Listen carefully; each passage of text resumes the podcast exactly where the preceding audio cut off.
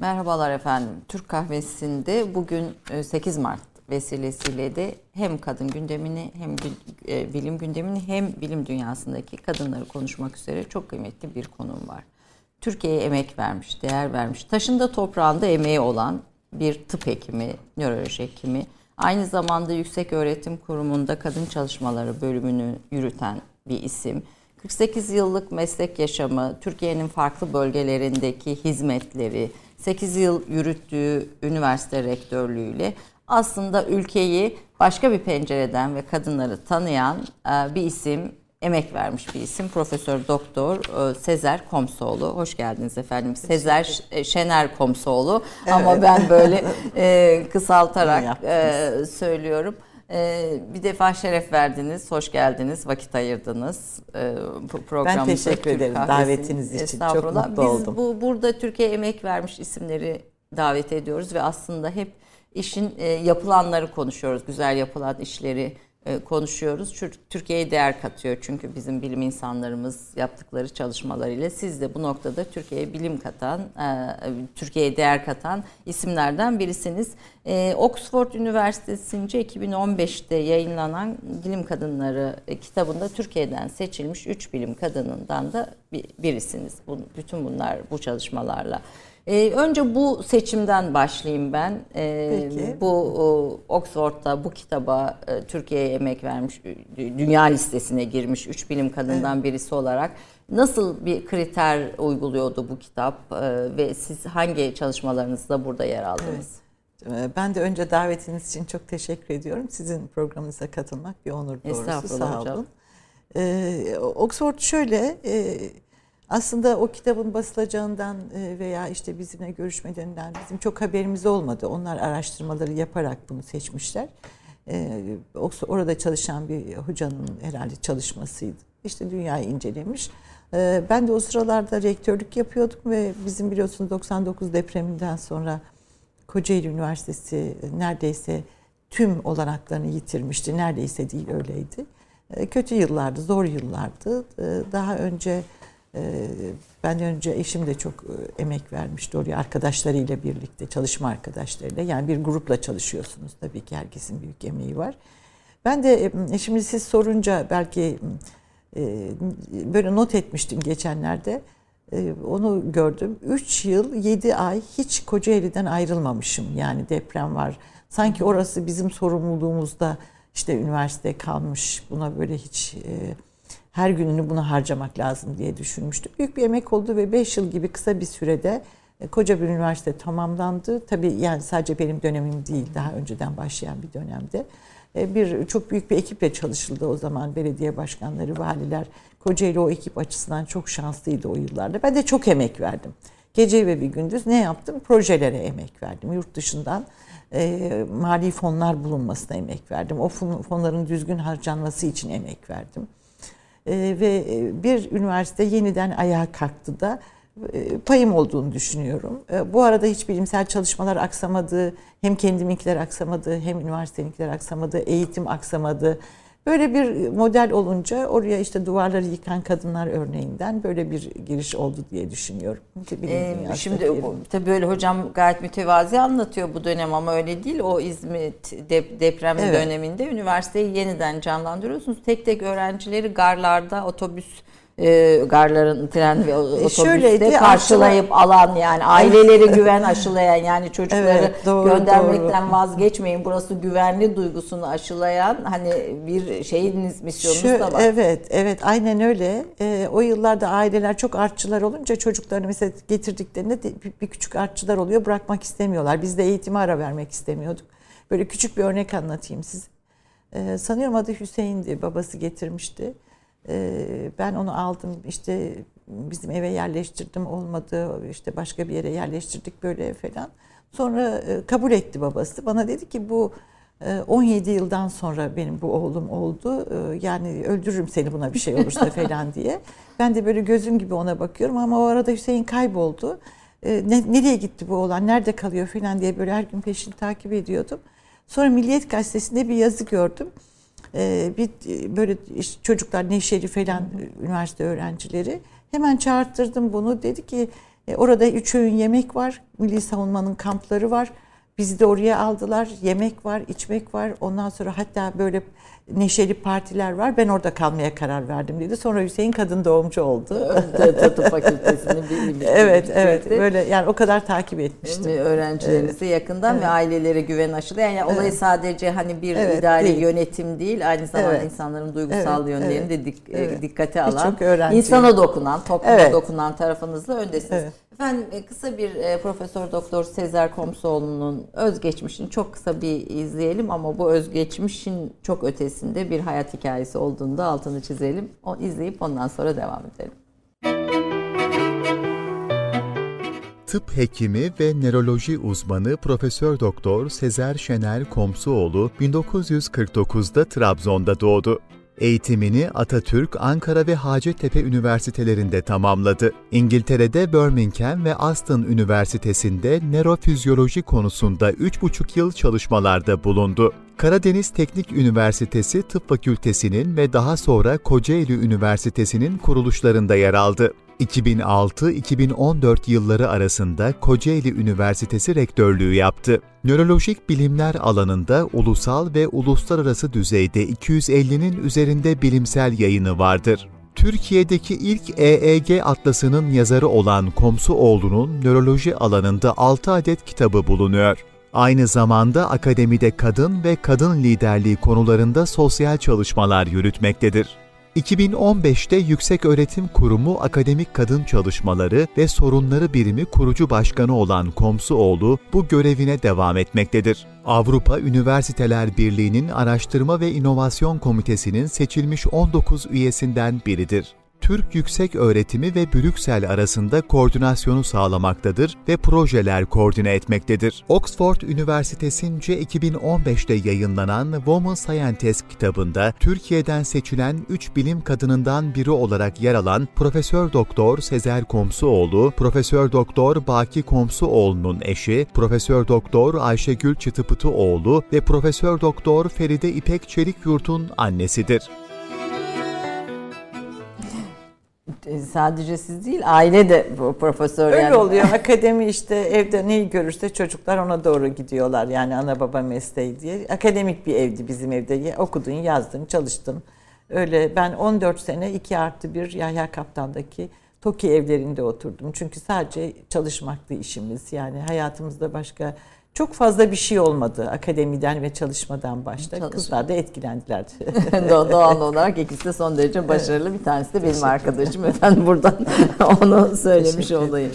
Ee, şimdi yani e, kendi sahanızda nöroloji alanında 6 e, adet kitabınız bulunuyor. Pek çok öğrenci yetiştirmişsiniz evet. ve e, bir sahada uzmansınız ama tüm bunların ötesinde Trabzon'dan başlayarak Erzurum Tıp Fakültesi. Evet, Hepsi, Atatürk Üniversitesi Üniversitesi. Tıp Sonra işte Kocaeli'nde rektörlük ve oradaki çalışmalar. Önce Trabzon, Trabzon sonra Kocaeli. Işte, evet. evet. Tüm bu süreç İngiltere, tüm bu yerlerde duraklarınızda sizin hayatınızda dönüm noktası olan duraklarda elbette sizi etkileyen, değiştiren, size katkı sağlayan çok şey oldu. Trabzon'dan başlayarak. Trabzon e, benim memleketim. İngiltere'den döndüğümüz zaman e, babam orada kurulan tıp fakültesine görev almamızı istedi. E, yeni üniversitelere, açılan üniversitelere gitmek o zaman daha böyle gözdeydi yani insanlar tercih ediyordular. Biz de Baki ile Trabzon'a gittik. Yıl Ve, kaç efendim? 84. 84. 84'te. 84'te gittik. Ee, ve e, o dönemde e, Trabzon'da tıp fakültesinin kuruluşunu e, gayret ettik üniversiteyle birlikte ama esas tıp fakültesinin kuruluşunda çok emeğimiz geçti. Memleketim olması benim için önemliydi ama ben tabii daha çok Ankara'da büyüdüm. İşte eğitim, ilkokul, ortaokul, liseyi Ankara'da. Memleketi de yazın yazları gider işte orada birkaç ay kalır sonra tekrar Ankara'ya dönerdik. Yani kente de böyle birinci dereceden bir alışkanlığım yoktu ama memleketi tanıyordum. Çünkü babam e, siyaset yapıyordu parlamenterde. Böyle her akşam 20 kişilik sofralarda oturulur, sabah 20 kişilik kahvaltılar. Yani Anadolu, Anadolu ailesi, Anadolu'da olmaktan hiç kopmadık aile olarak. Trabzon'a gidince e, ben iyi eğitim verdim, işte hastalara baktım, çok emek verdim ama çok şey de öğrendim. Yani Anadolu'yu tanımış olmanın, Anadolu'yu öğrenmiş olmanın e, insana verdiği çok büyük değerler var. İnsana değiyorsunuz. Şimdi tıpta e, çok yüksek teknoloji kullanılıyor. E, hatta tıp özellikle nöroloji e, yüksek teknolojiyi en fazla kullanan alanlardan biri. Ama tıp dediğiniz zaman, hekimlik dediğiniz zaman şey göze değmek önemli, insana değmek önemli. Mesela MR dediğiniz tamam işte git bir MR çektir gel başın ağrıdı. O size yapıyı gösteriyor. içinde ne var yani beynin yapısını gösteriyor. Ama e, ağrı ne kadar, mutsuzluğu var mı, hüzünlü mü, elemli mi, sevinçli mi, e, nedir diye insana değmeden hiçbir şey olmaz. E, halen e, yani 5-6 yıl öncesine kadar anlattığım derslerde hep söylediğim şey yüksek teknoloji tamam kullanılacak ama hekimlik bir insanlık mesleği. İnsanın eline değmek, gözüne bakmak ve hissetmek gerekiyor. Anadolu size bunu daha çok öğretiyor. Nasıl olması gerektiğini. E, Trabzon'da böyle hoş yıllarımız geçti. Bir dolu anılarımız oldu. E, insanlar sizi çok benimserler. Bir gece saat üç buçukta bir hastam telefon açtı bana. Tegratol diye epilepsiyle uğraşıyorum ben. İşte Ramazan ayı e, bu ilacı gece üç buçukta soruyor yutacak mıyım işte sahurda mı yutacağım? Çekilmiyor ama size hoca olarak bunu. Üç buçukta açınca ben de dedim ki e, üç buçuğu mu buldun gecenin saatinde dedim. Sabahtan arayaydın ya da akşamdan. Niye sen sahura kalkmıyor musun dedi bana telefonda. Gayet bu doğal bir şekilde. Bundan da onu öğrenmiştim. Demek ki bu iş böyle yani bu, bu rutin böyle diye. Buna benzer çok anılarım vardır memlekette. Böyle her bir yöreye göre de tabii değişiyor. Tabii tabii. Yani Rize ile Trabzon arası bile değişir. Hı hı. E, o kadar ki şey Anadolu'yu tanımak ben tabii o sırada nörolog ben e, iki nörologtuk biz Karadeniz bölgesinde. Yani çok az. Evet, sayınız. çok azdı. İki nörologtuk o yıllarda bile. Ta Artvin'den e, işte Giresun'u Ordu'ya kadar birçok hastaları bakmışızdır. 14 yıl kaldım orada. 14 yıl onlar bize eğittiler. Ben hizmet verdim. Böyle geçti. E, karşı, karşılıklı bir eğitim süreci. İngiltere daha başka. E, yani Erzurum'u da konuşmak. Çünkü Erzurum'da bambaşka bir kültür. Yani Erzurum'da bir kadın olarak bir bilim geçti, kadını tabii yani ki. bir hekim olmak. O Erzurum'da e, internlükte esas halkla tem, temas kurduk. O, o sırada daha çok o, ilk başladığımız yılları Hacettepe'de okumuştuk. Daha öyleydi. Daha tam açılmamıştı temel bilimler yılları. Ee, orada da internlük yıllarında e, o zaman toplum sağlığında toplum sağlığının önemi e, şimdi ne kadar çok ortaya çıktı evet, Covid'le birlikte ana hedeflerden birisi. Biz de ilçelere gider kalırdık. Ben Hasankale'de yapmıştım toplum sağlığını. E, işte halk sağlığı stajımızı diyelim, intern stajıydı halkla bizzat temas. Orada da onu öğreniyorsunuz. İşte bebekleri nasıl bezleniyor, nasıl höllük yapılıyor, nasıl toprak, o zaman Ta o zaman topraklanıyor altları Tabii tabii tabii rutin rutin rutin. Ona işte doğum kontrolü nasıl yapılıyor veya nasıl yapılmaması gerekiyor. Yani e, doğuyu, e, batıyı e, hepsi sentezlendi. Ama en etkileyen nedir? Tabii ki bilimde batı ama Anadolu'yu bilmek Türkiye'de her meslek için gerekli. Şimdi hekimler mecbur hizmete gidiyorlar. Benim küçük kızım da hekim. Ağrı patnosu çekmişti zorunlu hizmette. Giderken endişelendi, huysuzluk etti. Ee, sınavı kazanıp gelmesi gerektiğinde de gelmeyeceğim diye tutturmuştu. o kadar yani, Tabii etkileniyor. İnsanlar çalıştıkları yere hizmet verdikçe onlar da Anadolu size zerafeti, nezaketi, e, insanı öğreten bir yer. Yani insanların gözü size direkt bakıyor. Siz hürmet ediyorsunuz ve hürmet görüyorsunuz. Onların sıkıntısını görüyorsunuz. Sonra o sıkıntıları benimsiyorsunuz. Onun için mecbur hizmetin Türkiye için çok değerli olduğunu düşünüyorum. E, bence de bu tecrübeler bir hekim evet. olarak da kıymetli. Burada e, bir de bir takım e, ne diyelim şey adetler var. Değiştirilemez adetler var. İşte mesela sizin epilepsi sahası alanında olduğu gibi. Evet. Yani işte epilepsiyi götürüp birini okutmak gibi aslında vaka öyle bir evet. nöroloğa götürmek gibi veya işte biraz önce o toplum sağlığı içinde anlattığınız şeyler gibi bütün bunlara karşı bir hekim olarak nasıl bir yol izlemeyi ben öneririz? Ben şöyle izlemiştim yani hasta baktığım yıllarda Karadeniz'de ve işte Erzurum'daki stajlarım daha çok Karadeniz'de bu hastalara baktım. Halen de o yolu izliyorum. Bir epilepsi ee, oranı var mı Türkiye'nin hocam? Yüksek oranda yani e, doğuda daha yüksekti. göre fark ediyor mu? E, doğumda e, zedelenmenin olduğu yerler e, daha çok doğu bölgeleri oluyordu. Hı hı. Şimdi tabii ki düşüşler var anneler babalar ama bu viral hastalıkların da ne getireceğini bilmiyoruz. bilmiyoruz. E, onun için ben mesela e, okutmaya hocayla işte hoca okuduğumuz katakta onlara hiç müdahale etmezdim. Hatta o hocalarla yazarak işbirliği kur, kurardım. Benim için önemli olan hastanın bizim verdiğimiz ilaçları muntazam bir şekilde kullanması. Onları muntazam olarak kullansınlar. Ee, ama e, geri kalan da kendi kültürel kodlarına hiç oynamaya, kendi onların huzurlarını bozmaya gerek yok. Yeter ki zarar verecek bir şey yapmasın. Bilmediğimiz bir şey yutturmasın. Bilmediğimiz işte ot, börtü, böcek neyse yani o tip şey yapmasın. Onun dışındakiler e, onların kültürel kodlarıdır. Beni hiç rahatsız etmezdi. Ben sadece bizim ilaçlarımızı muntazam kullansınlar diye düşünüyorum. Halen de öyle düşünüyorum. Ama bu arada bölgedeki hocalarla bağlantı kurmanız onlarla... Evet yazarak, mektup yazarak kullanırdım. Ee, hatta bir hoca bir gün bir hasta gelmişti bana böyle bir e, yan etki gösteriyordu. Hı ee, Onu da anlatayım mı bilmiyorum. yani bir 11 yaşında bir kız çocuğuydu. Ee, geldiği yan etkiyi ben görünce ilacın fazlalığından anlamıştım. Sonra e, aileye dedim ki siz buna kaç kere yutturdunuz bu ilacı? Sen işte e, her e, ezanı babası imamdı çocuğun. Her ezanı nasıl dikkatli saatinde okuyorsun? Bu çocuğa da bu ilacı dikkatli saatinde vereceksin demiştim. O da her ezanda vermiş. Halbuki sabah akşamı kastetmiştim ben. Benim eksik anlatımımdan dolayı çocuk yan etki üzerine gelmişti. Hiç onu da unutmam. Ee, yani doğru şeyi doğru zamanda bilgiyi vereceksiniz insanlara o, o diye. Kültürü, o da bir deneyimdi. O da, evet, o, o, evet. da, o da bir tecrübe. Ben yani o işte caminin imamı ezana muntazam bir saatte okuyor. Bizim ilaçları da muntazam bir saatte kullansın. Hani iki saat epilepside bu çok etkin bir şey, çok önemli bir şey ilaç kullanma. Onu güya onun üzerinden anlattım ama tutmadı böyle bir. Hocam sizin e, bir defa eş aile siyasetten geliyor evet, ve evet, bir sürü evet. sahada kardeşler falan evet. Trabzon'un evet, ailelerinden evet. birisiniz ama siz doktor olmaya karar veriyorsunuz. Evet. O dönem e, akademide ve doktor camiasında kadın sayısı, kadın oranı e, nasıldı ve bir kadının böyle bir şey e, o, olmak istemesine yaklaşım nasıldı? 1970 yılında İstanbul Üniversitesi'nde toplam kadın akademisyen sayısı 114. Şimdi Türkiye'ye baktığımızda sadece profesörlerin oranı yüzde 32. Yani çok büyük bir yükseliş var. Ama bu bütün dünyada da böyle. Ee, bir resim vardır böyle hoş bir resim İsviçre'de çekilmiş 1968'de böyle bir sıralama. Hepsi erkek ayakkabısı bir tane kadın var akademide. Aralarında. Evet.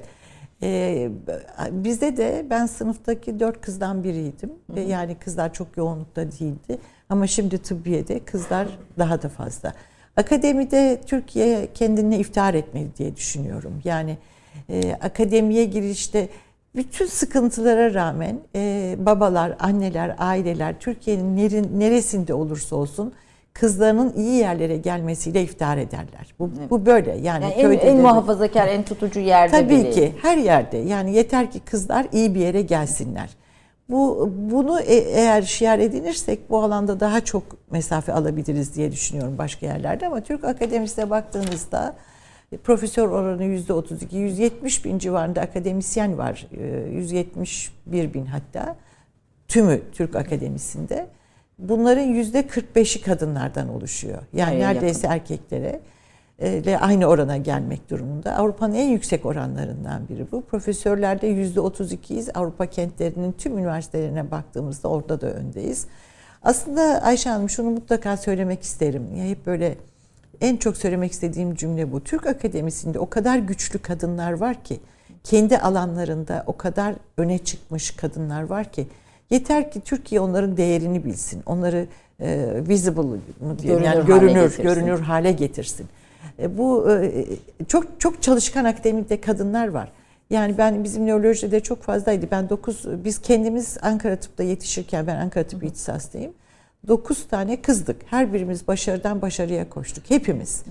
Ee, bunun ülke bunun değerini bilmesi gerekiyor. Evet. Bakın Avrupa Birliği'nde Hadi siz Brüksel'den söz ettiniz. Orada e, iyice ne bunu gözlemledim. Ne zaman bir alanda bir aday arasalar female diye yazıyorlar oraya. Bu gösterilen adaylardan en az birkaç tanesi kadın mutlaka olmalı. kadın olsun diyerekten.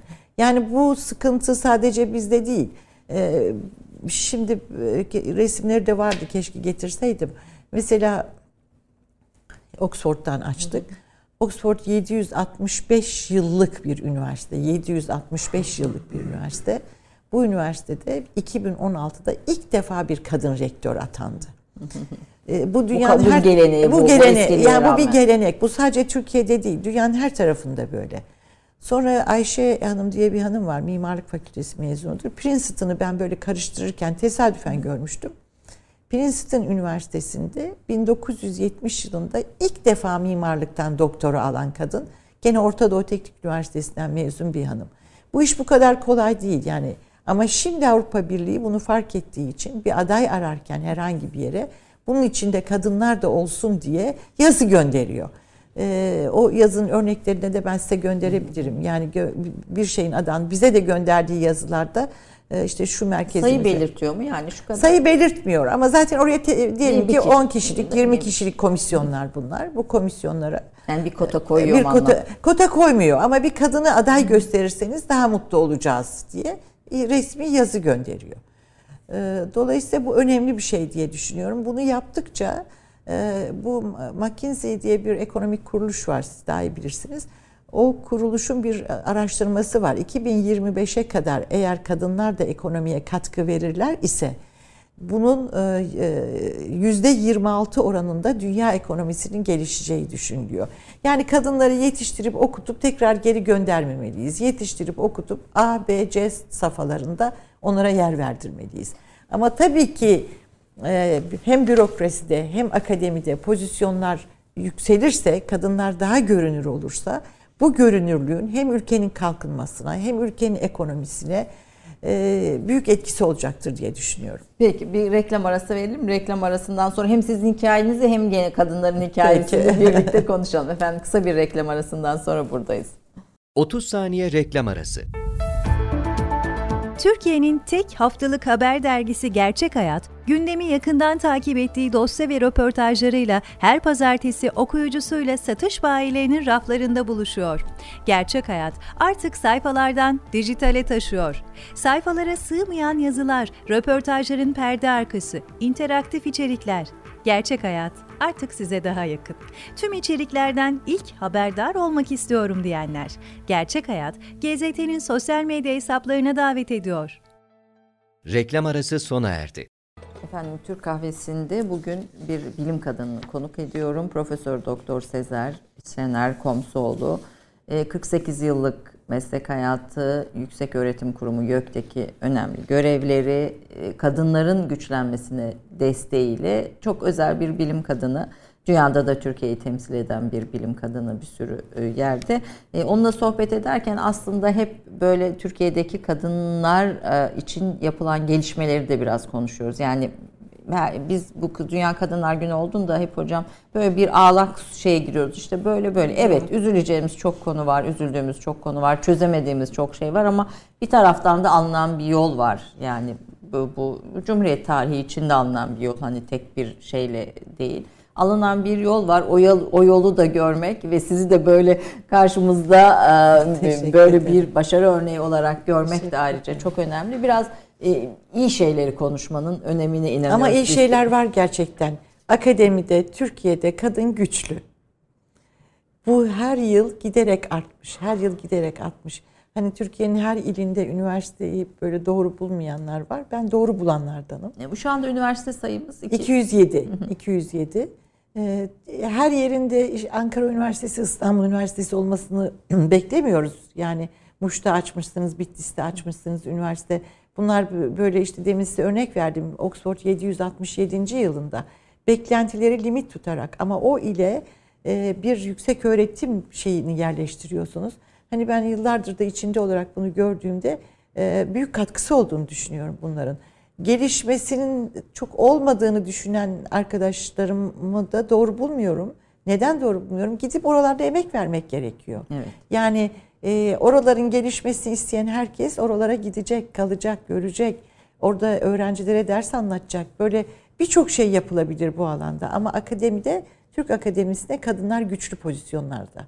Hiç e, bunda bir şey yok. Profesör evet. sayımız özellikle yüzde otuz iki. Yüzde otuz iki ile Avrupa'da önde evet, diyorsunuz. en öndekilerden bunu birisi. Evet. Şimdi yeni açanlar olursa tekrar e, bunu söylüyorum. Evet. Peki e, doktora düzeyinde akademinin diğer katmanlarında veya işte e, daha üst rektörlük ve siz evet. 8 yıl rektörlük yaptınız. Evet.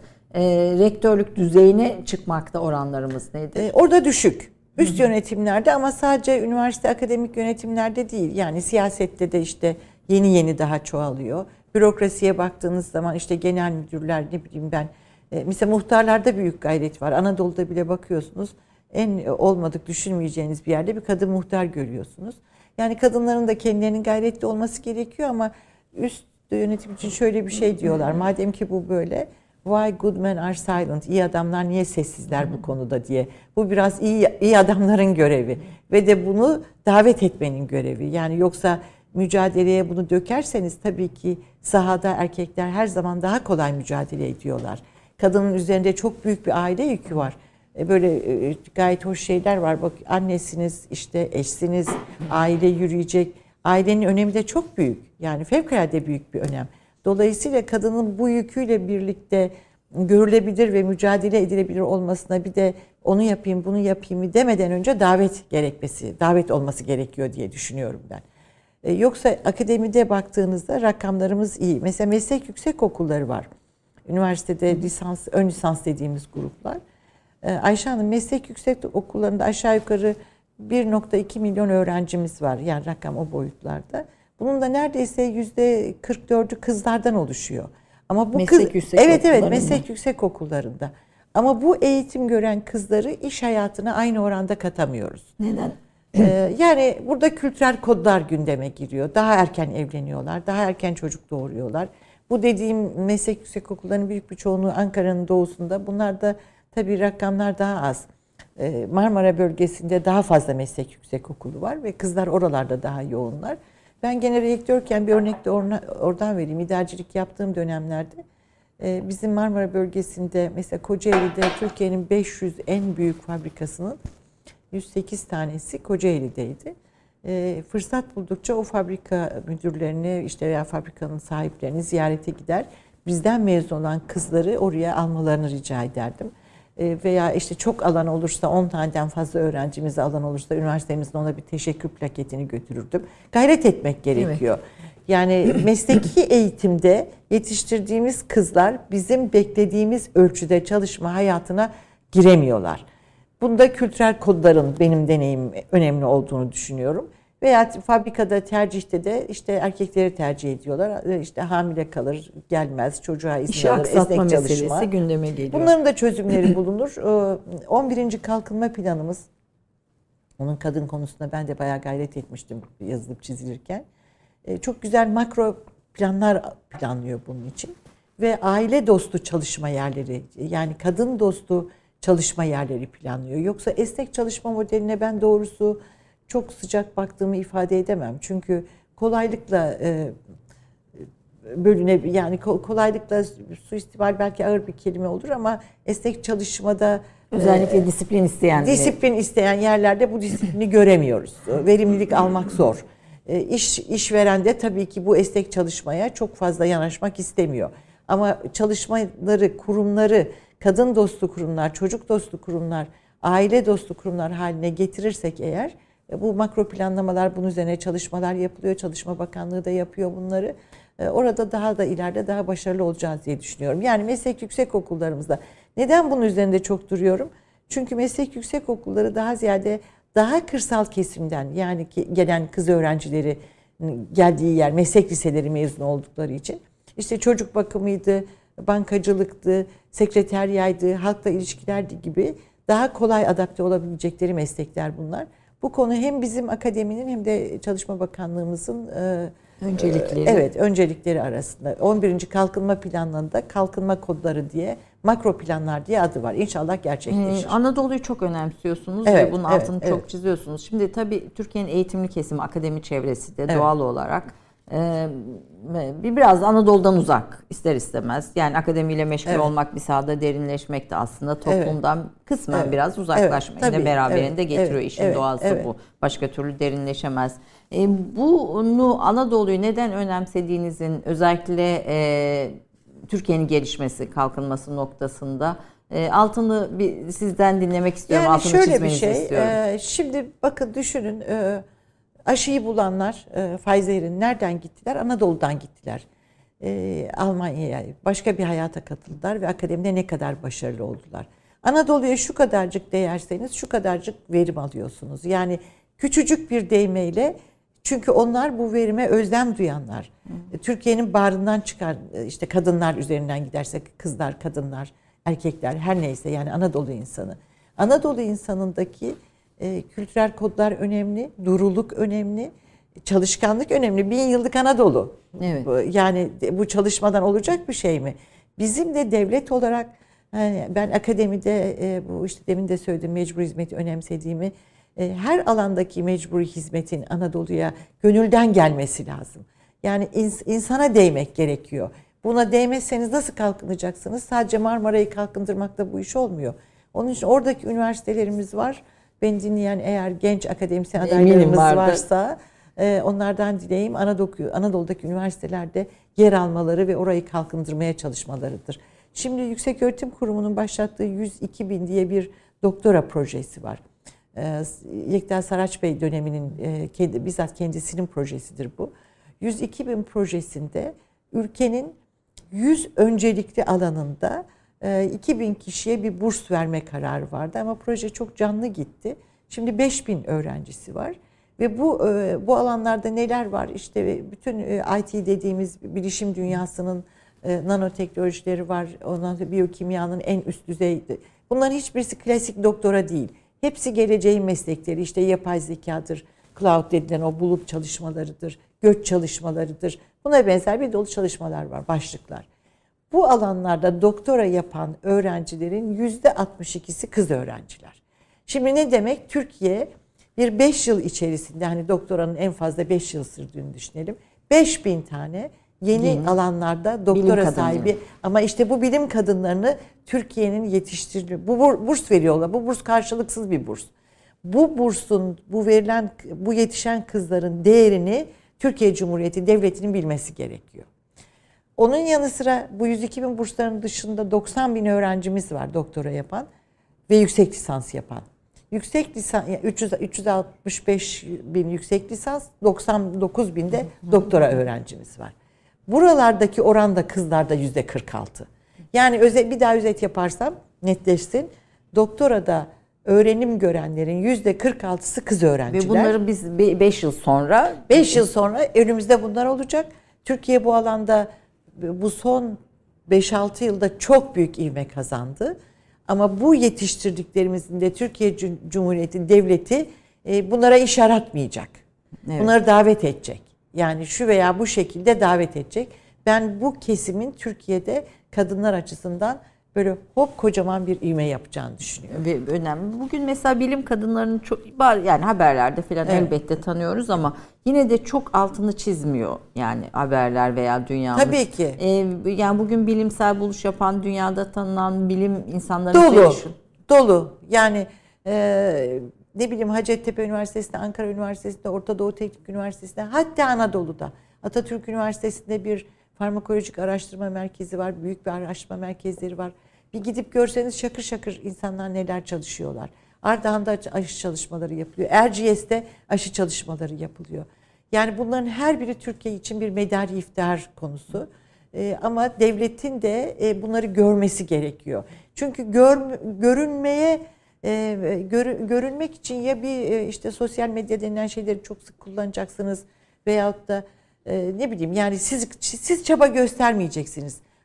Batı ile bizim farkımız e, daha e, devlet bu, bu yetiştirdiklerinin e, sahibi oluyor. Bunlar tabii ile akademide görev alacak diye bir şey yok. Yani Türkiye'nin bütün özel sektörde tabii de var ki sanayide, sürü. endüstride bütün bu yetiştirdiklerimiz oralarda da görev alabilecekler. Yeter ki değerleri bilinsin. Ee, Birmingham'da e, da bulundunuz. 3 evet, yıl evet, kaldınız. Evet, evet. Aslında Batı ile farkı da kıyaslarken yani Batı üniversiteleriyle bizim üniversitelerimiz Batı sabırlı veya... ve tematik çalışıyor.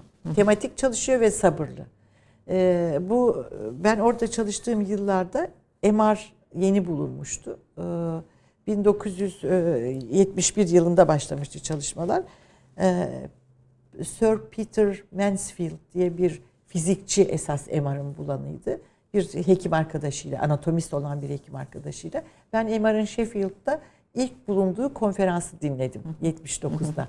Yani ilk bir vakaları dinledim. Halen şeydir o zaman böyle geç gidiyorum şeyler cep telefonları falan yoktu. Olsaydı çekerdik. Ee, çok heyecan vericiydi.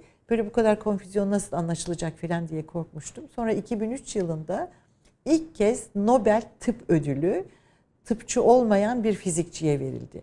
Peter Mansfield'a verildi. E, bunu neyle elde ettiler? Sabırla. E, buluşları genelde İngilizler yapar ama sonra işte e, Amerika'da vesaire fabrikalarda Patent, patentler evet. alınır. İngilizler neden yapar? İngiltere'de benim en çok kazandığım e, e, edinimim neydi? E, tematik bir alan ve sabırla bir konuda çalışmak. Oradan oraya, oradan oraya, oradan oraya hızlı atlamamak. Yani bizde biraz vardır bu. Çünkü çabuk yer etmek isteriz kendimize. Çabuk yer etmeye gerek yok. Sizin çalışmalarınız eğer öne çıkarsa mutlaka o yer sizi bulur şöyle veya böyle. Bugün mesela önemli bilim kadınlarımızdan e, isim olarak bize söyleyecekleriniz var mı? Çok var Avrupa'dakileri söyleyeyim. Mesela Gülsün Gülsün Sağlamer e, İstanbul Teknik Üniversitesi'nde rektörlük yaptı. Halen Avrupa'daki bütün komisyonlarda kendisini görebilirsiniz. Düzce'nin rektörü aynı benim seçildiğim gibi Niger Hanım Avrupa'daki nomination komisyonu dediğimiz yani aday komisyon değerlendirmesinde bir komisyona seçildi. Lale Tokgözoğlu Avrupa Kardiyo Hacettepe'nin kardiyoloji hocasıdır. Avrupa Kardiyoloji'nin e, başkanı oldu Avrupa'da. E, şimdi de Ateroskleroz Derneği'nin başkanı. Böyle birçok isim sayabilirim size. Yani e, bu değerlerin Türkiye'de de mutlaka bilinmesi gerekiyor. Ve altını çizim daha evet, görünür görünür evet, hale evet, get, evet, getirmek evet, gerekiyor. Evet. Peki kadınları güçlendirmek için e, Anadolu tecrübenizi de tabii bunun evet. içine katarak yani hem üniversite tecrübenizi hem Anadolu tecrübenizi de işin içine katarak ne yapılması gerektiğini düşünürsünüz? Makro planlar düşünürüm. Kadınların hayatını kolaylaştırma.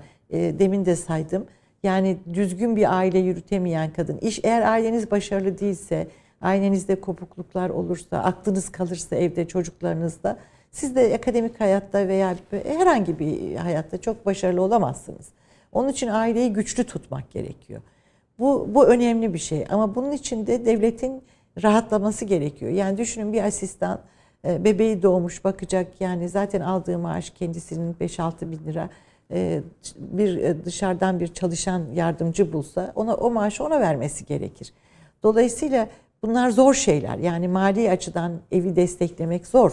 Akademinin yetişme dönemlerinde veya ilk memuriyet dönemlerinde. Hani eskiden anneanne babaanne falan bakıyordu. Gene keşke onlar bakabilse. E, büyük aile her zaman önemli. Ama şimdi anneanneler de çalışıyor. Yani evet. öyle bir şey de var.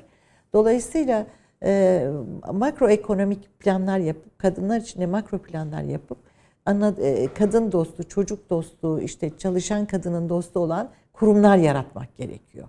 Bir de kadınların kendileri eğer hayatlarını, zamanlarını iyi disiplinize ederler ise yani şöyle söyleyeyim bu bu bu söz sözümü beğenmeyenler oluyor ama ben e, yani hayatı bunun üzerine kurdum. Çok çalışmak gerekiyor Ayşe Hanım.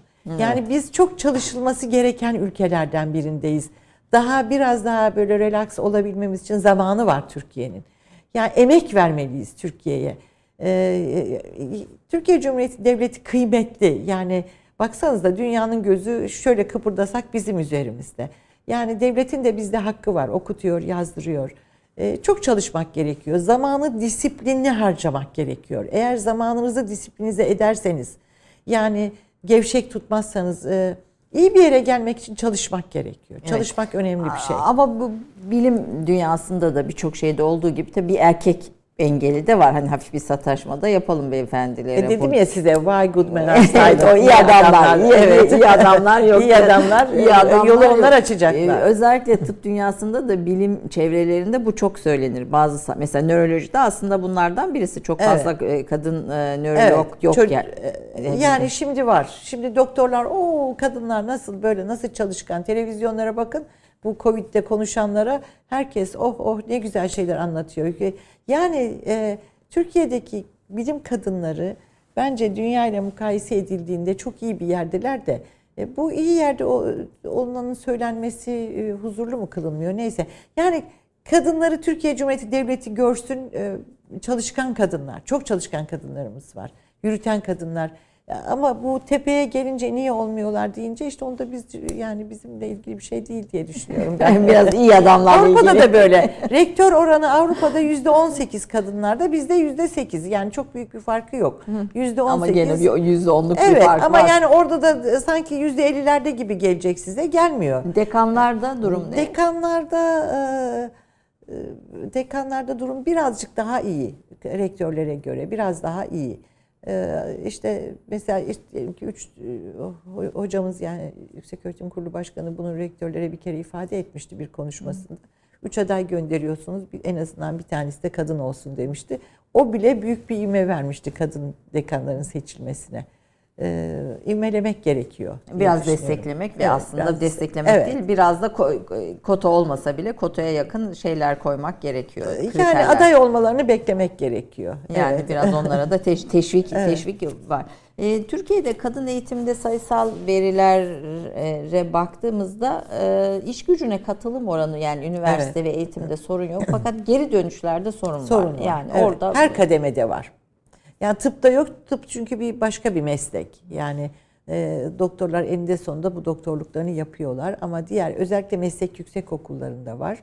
E, bu oran veya işte lisans seviyesindekilerde de var. Üniversite %30, %36, evet, %34-36 arasında yani iş gücündeki kadına baktığımız zaman. Burada biraz düşüyoruz. Yani dünyadan da düşüyoruz. Evet. Yani eğitimde bir sorun yok. Eğitim, üniversite eğitimi Eğitimde görüyor. de e, üniversite eğitimine katılan kadınlar da çok fazla değil tabii ki. Yani yüksek öğretimde biz rakamı 88 e, milyon öğrenci var Türk yüksek öğretiminde. Bunun yüzde 45'i kadınlardan ama Türkiye'de 80 milyonluk bir ülke. Evet, yani düşük bunu düşündüğünüz o. zaman yüzde evet. 20'lerde gibi neredeyse oluyor. E, onun için bu oranın da daha artması gerekiyor tabii ki. Yani. Teşvik gerekiyor herhalde. Ama Türkiye Türk yüksek öğretim alanı Avrupa'nın Ayşe Hanım en büyük alanı. Şu Bologna süreçlerine baktığımızda. E, Avrupa Üniversiteler Birliği'ne baktığımızda önce Rusya birinciydi, şimdi birinci biziz. E, Bu Anadolu'da kurulan üniversiteler kız çocuklarının e, e, eğitiminde, üniversite eğitiminde oranların artmasına bir katkı sağlıyor mu? Sağlıyor, sağlamaz mı? Ama halen e, e, ilçelerden hiç üniversite eğitimine gitmeyen kızlar var yani Ankara'nın doğusundaki özellikle Güneydoğu'daki e, il, illerimizde kurulan üniversitelere onların ilçelerinden hiç öğrenci gelmiyor. Lise var ama üniversiteye öğrenci kaydı olmayan yerler biliyorum ben. Oradaki rektörlerimiz de zaman zaman e, Peki bu bunun teşviki için e, çok gayret var. Çok gayret var ama burada kırılması zor bir kültürel e, kodlar var. Bunu da anlata anlata, giderek anlatarak, oralara ulaşarak, yüz yüze anlatarak, o oralarda işte eğitimciler konuşarak, kadın eğitimi diye ayrı başlıklar var. Yani kadının eğitimi diye e, eğitim fakültelerinde verdiğimiz e, sadece öğretmenler değil tabii. Oraların hakimi olan e, ne denir ona? Yani fikri dinlenen insanlar var. Onların onlarla işbirliği yapmak. Doğuyu biliyorsunuz. Evet, Doğuda, evet, Güneydoğu'da evet. bu çok daha fazla. Böyle ilçeler var. Yani hiç kızlarımızın e, gerek meslek lisesi gerek e, meslek yüksek okullarını bitirdikten sonra hiç üniversiteye gelmeyen e, ilçeler var. Keşke işte bir sürü konuda enerjimizi yıp, sarf evet. edip yani yıpratacağımıza kendimizi evet. söylenerek filan aslında bu bölgelere gidip daha çok kız çocuğunun üniversiteye gelmesine katkı sağlasak. Burada e, Diyanet'in de çok büyük etkisi olur diye düşünüyorum ben. Diyanet İşleri Başkanlığı'nın nasıl e, yani toplumsal konularda cuma vaazlarında değiniliyor. Ee, buna da değinilirse eğer e, büyük katkısı olacağını düşünüyorum. O bölgelerde evet. evet belki bir özel e, çalışma bunun evet. devamında yapılabilir. Ee, hocam bir taraftan da bir aile hayatı var. Bütün bunların içinde. Tabii çok, yani gördüğüm sizinle ilgili zaten en büyük şey çok çalışkanlığınız. Yani ön planda Teşekkür ederim. duran İnşallah yani çok çalışkanlığınız. Yani üç buçuk yıl hiç tatil yapmadan İzmit'te Kocaeli Üniversitesi. O tabii ekstrem bir Ekstra, durumdu. Tabii Ama ben biz genelde de çok tatil e, Baki bana söz vermişti işte böyle heves edip bazen bir iki gün bir yere gitmek istediğimizde. İnşallah emekli olunca falan diyordu ama o dönemleri göremedik onu erken kaybettik. yani tatil hiç bizim ajandamızda olmadı. Yani hiçbir neredeyse durmadan çalışan Öyle, bir, evet. bir bir ritim. Evet. Bu arada da çocuklar büyüyor. Onlar da kendiliklerinden büyüdüler. Aile hastalar, öğrenciler, e, evet, yönetim evet. hani bir de işin evet. yönetim safhası evet. E, şeyin içinde evet. daha farklı.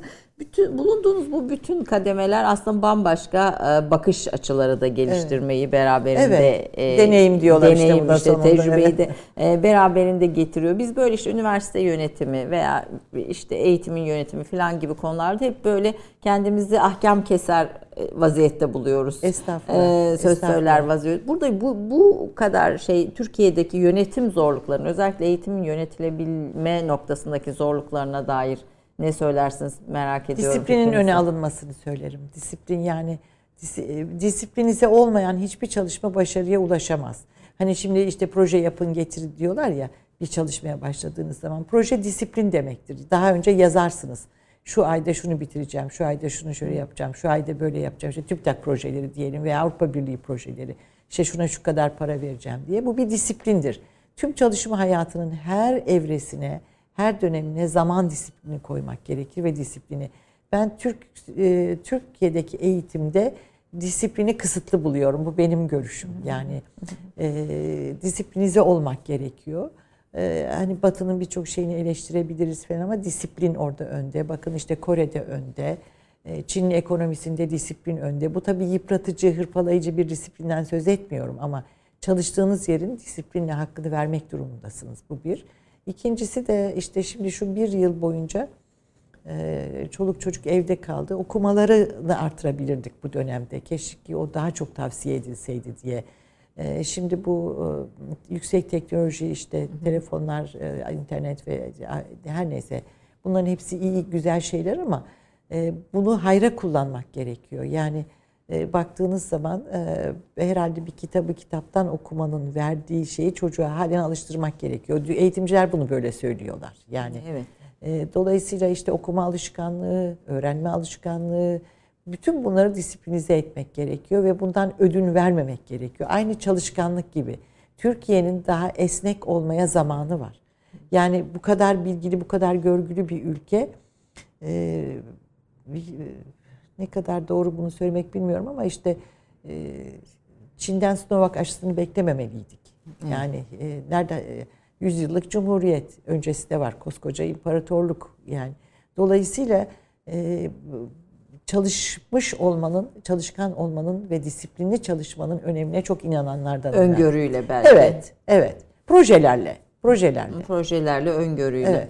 E, tabii bir de işin e, sanat tarafı var. Sanata ilginiz e, piyano çalıyorsunuz bildiğim kadarıyla. Evet, müzik seviyorsunuz. Evet, yani amatörce diyelim. Evet. E, müzik, müzik de seviyorsunuz. E, annemiz e, çok hoş bir hanımdı. Bir Karadeniz zaten böyle e, yani klasik annelerden hem kardeşlerimin hem benim hem torunların üzerine çok emek vermiş bir şeysi vardı. Biz 57'de Ankara'ya göçtük. Yani Trabzon'dan Ankara'ya 1957 yılında geldik. Ee, annemin ilk yaptığı şey eve bir piyano almak oldu. İşte biz o zaman Mithat Fenmen vardı. Çok değerli bir kompozitördü. Ben onunla çalıştım uzun yıllar. Ee, ama Erich Fromm diye bir Alman felsefecisi evet, evet, var. Evet, Erich Fromm Sevme Sanatı adlı kitabında diyor Hepimiz ki, okumuştuk galiba. Çiçekleri, çiçekleri, renkleri ve müzikleri ayırt etmeden severim diyor. Ben de öyle. Bir kendim piyano çalsam bile her türlü müziği, klasik müziği, Türk sanat müziği hepsine hayranlıkla izleyenlerdenim. Evet. Müzikçiyim yani Müzikçisin, sanattan. sanattan da izleyen. Efendim bir reklam arası, bir reklam arasından sonra Sezer Hoca ile sohbete devam ediyoruz. 30 saniye reklam arası.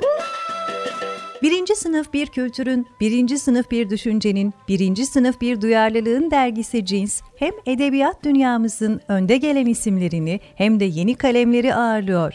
Her ay bayilerden ulaşabileceğiniz cins dergi, dijital dünyaya da yeni bir kapı aralıyor. Sayfalara sığdıramadığımız kıymetli yazılar, merak ettiğiniz yazarlarla cins sohbetler, dergiden ekrana yansıyacak röportajlar ve tabii podcast. Şimdi sizleri Cins'i tüm sosyal medya mecralarından ve gezete.com adresi üzerinden takip etmeye davet ediyoruz. Reklam arası sona erdi. Efendim Türk kahvesinde bir bilim kadını ağırlıyoruz. 8 Mart Dünya Kadınlar Günü yarın e, ve bugün vesilesiyle kadınların hizmetlerini, kadınların e, bilime verdikleri emekleri gündeme getirmek istedik. Siz e, Avrupa Üniversiteler Birliği'nin Araştırma ve İnovasyon Komitesi'ne seçilmiş 19 evet. üyeden birisiniz. E, Türk yüksek öğretimi ve Brüksel arasında koordinasyonu sağlayan evet. sağlıyorsunuz. Şimdi buradaki fark ne? Yani Avrupa Üniversiteler Birliği'nin üniversitelerin önüne koyduğu hedefler var mı? Hedefler var. Ee, bizden farklı olarak tabii e, daha e, otonom davranabiliyorlar. Yani üniversite kendi yapısı içerisinde e, bizim bizden daha otonom bir vaziyette. Dolayısıyla onlara daha bir genişlik veriyor. Yani araştırmaların projelerinde yapılmasında, edilmesinde. Bu, bu önemli bir fark. Otonom yapı önemli bir fark olduğunu düşünüyorum. Bir diğeri de Avrupa Üniversiteler Birliği bu Horizon dediğimiz Avrupa Birliği üniversite araştırma fonlarını yöneten kurumun başında. Ee, bizdeki TÜBİTAK gibi, gibi. onlar da fon veriyorlar. TÜBİTAK'ın da onlarla yakın Hı. ilişkileri var. Ee, buradaki en büyük sıkıntı e, fonlamalarda yani buraya Türkiye dünyanın parasını yatırıyor. Fonlamalarda biz proje yazmakta eksik kaldığımız için belki 20'de e, birini alamıyoruz. Yani en düşük fonlama alan Yunanistan bile bizden daha, daha önde, yüksek. daha iste. İşte 7 tane 8 tane üniversitesiyle İsrail daha yüksek vaziyette. Tabi burada belki lobilerin de faaliyetleri var onu ben bilemeyeceğim. Yani aklımdan geçiyor zaman zaman. Ama Türkiye'de e, bu proje yazma ve Avrupa Birliği'nden para almak fevkalade önemli bir Ki şey. Ki biz de fonladığımız yani fonladığımız, kattığımız evet yer. alalım. Bir de tabii büyük fonlar, çok büyük paralar var. Burada ne eksiğimiz var derseniz bunun bürokrasisi biraz fazla. Proje bürokrasisinde bizim üniversitelerimizin eksikleri var. Onun için birçok proje ofisleri var dışarıda kurulmuş olan ama gayret edilirse bu da öğrenilir. Yani bu çok önemli bir şey. Avrupa'nın önem verdiği e, bir proje dijitalleşme projesi. Biz Türkiye'de e, bu sene 2017'de e, başlamıştı Başkan Bey. 2017'den itibaren büyük bir dijitalleşme projesi yürüttük. Özellikle bunu ee, Avrupa e, bunu doğudaki illerimizin üniversitelerine yaygınlaştırdık. Özel sektörle işbirlikleri yaptık. Ee, böyle korkunç bir şey oldu ve e, şu anda çok büyük rakamlarda, 100 e, bin civarında rakamda öğrenci bu dijitalleşmeyle ilgili eğitimi ve öğretimi kredi dersler olarak aldı. E, takip ediyoruz projeleri. İşte açık erişim projelerini takip ediyoruz. Avrupa'nın şimdi bu sene öne koyduğu... Tema olarak hani işte çevrecilik... E, yeşil kampüsler. Yeşil kampüs. Yeşil kampüsleri fevkalade önemsiyorlar. Bizde de e, bunu yapan iyi üniversiteler var. Sanıyorum Zonguldak Karaelmas Üniversitesi bu böyle bir ödül aldı diye biliyorum evet. yanılmıyorsam. E, var ama tabii 207 üniversitenin de bunun için çaba göstermesi gerekiyor. Yani yeşil kampüsler e, bu hani korona haricinde bunları konuşalım. Tabii korona birçok şeyi etkiledi virüs ama buna gayret etmek gerekiyor.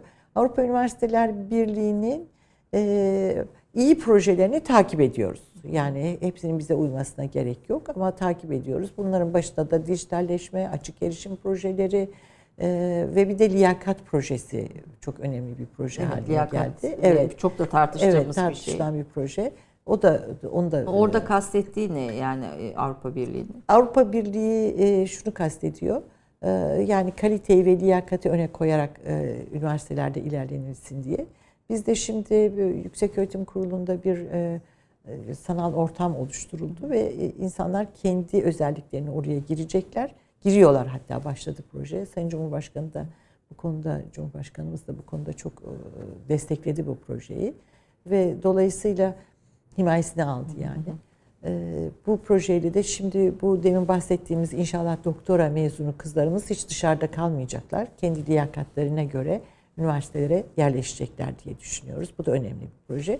Yani Avrupa Birliği projelerini bütün ciddiyetimizle takip ediyoruz ve e, iyi olduğumuzu düşünüyorum büyük bir çoğunluğu. Ama bu iyi olmak tabii sadece e, bir kurumun kararı değil. Yani üniversitelerinde buna e, e, çaba göstermesi gerekiyor. O işte Buna e, Avrupa Birliği'nden para almalıyız, fon almalıyız. Bu önemli. Yani, yani bizim de katkı sağladığımız bir fondan evet, evet, en azından evet, büyük paralar almayız. Bunu, bunu projeleri çal, evet, evet. belki üniversiteler. Bunu büyük üniversitelerimiz yapıyor ama bütün üniversitelerimiz bir şekilde sosyal alan diyorlar ki işte laboratuvarda altyapı halbuki sosyal alanlara da büyük e, fonlar veriliyor.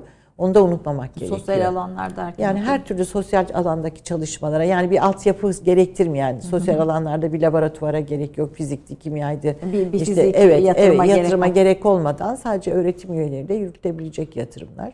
Mesela işte bu e, Suriye göç çalışmaları çok önemli bir şey bu alanda.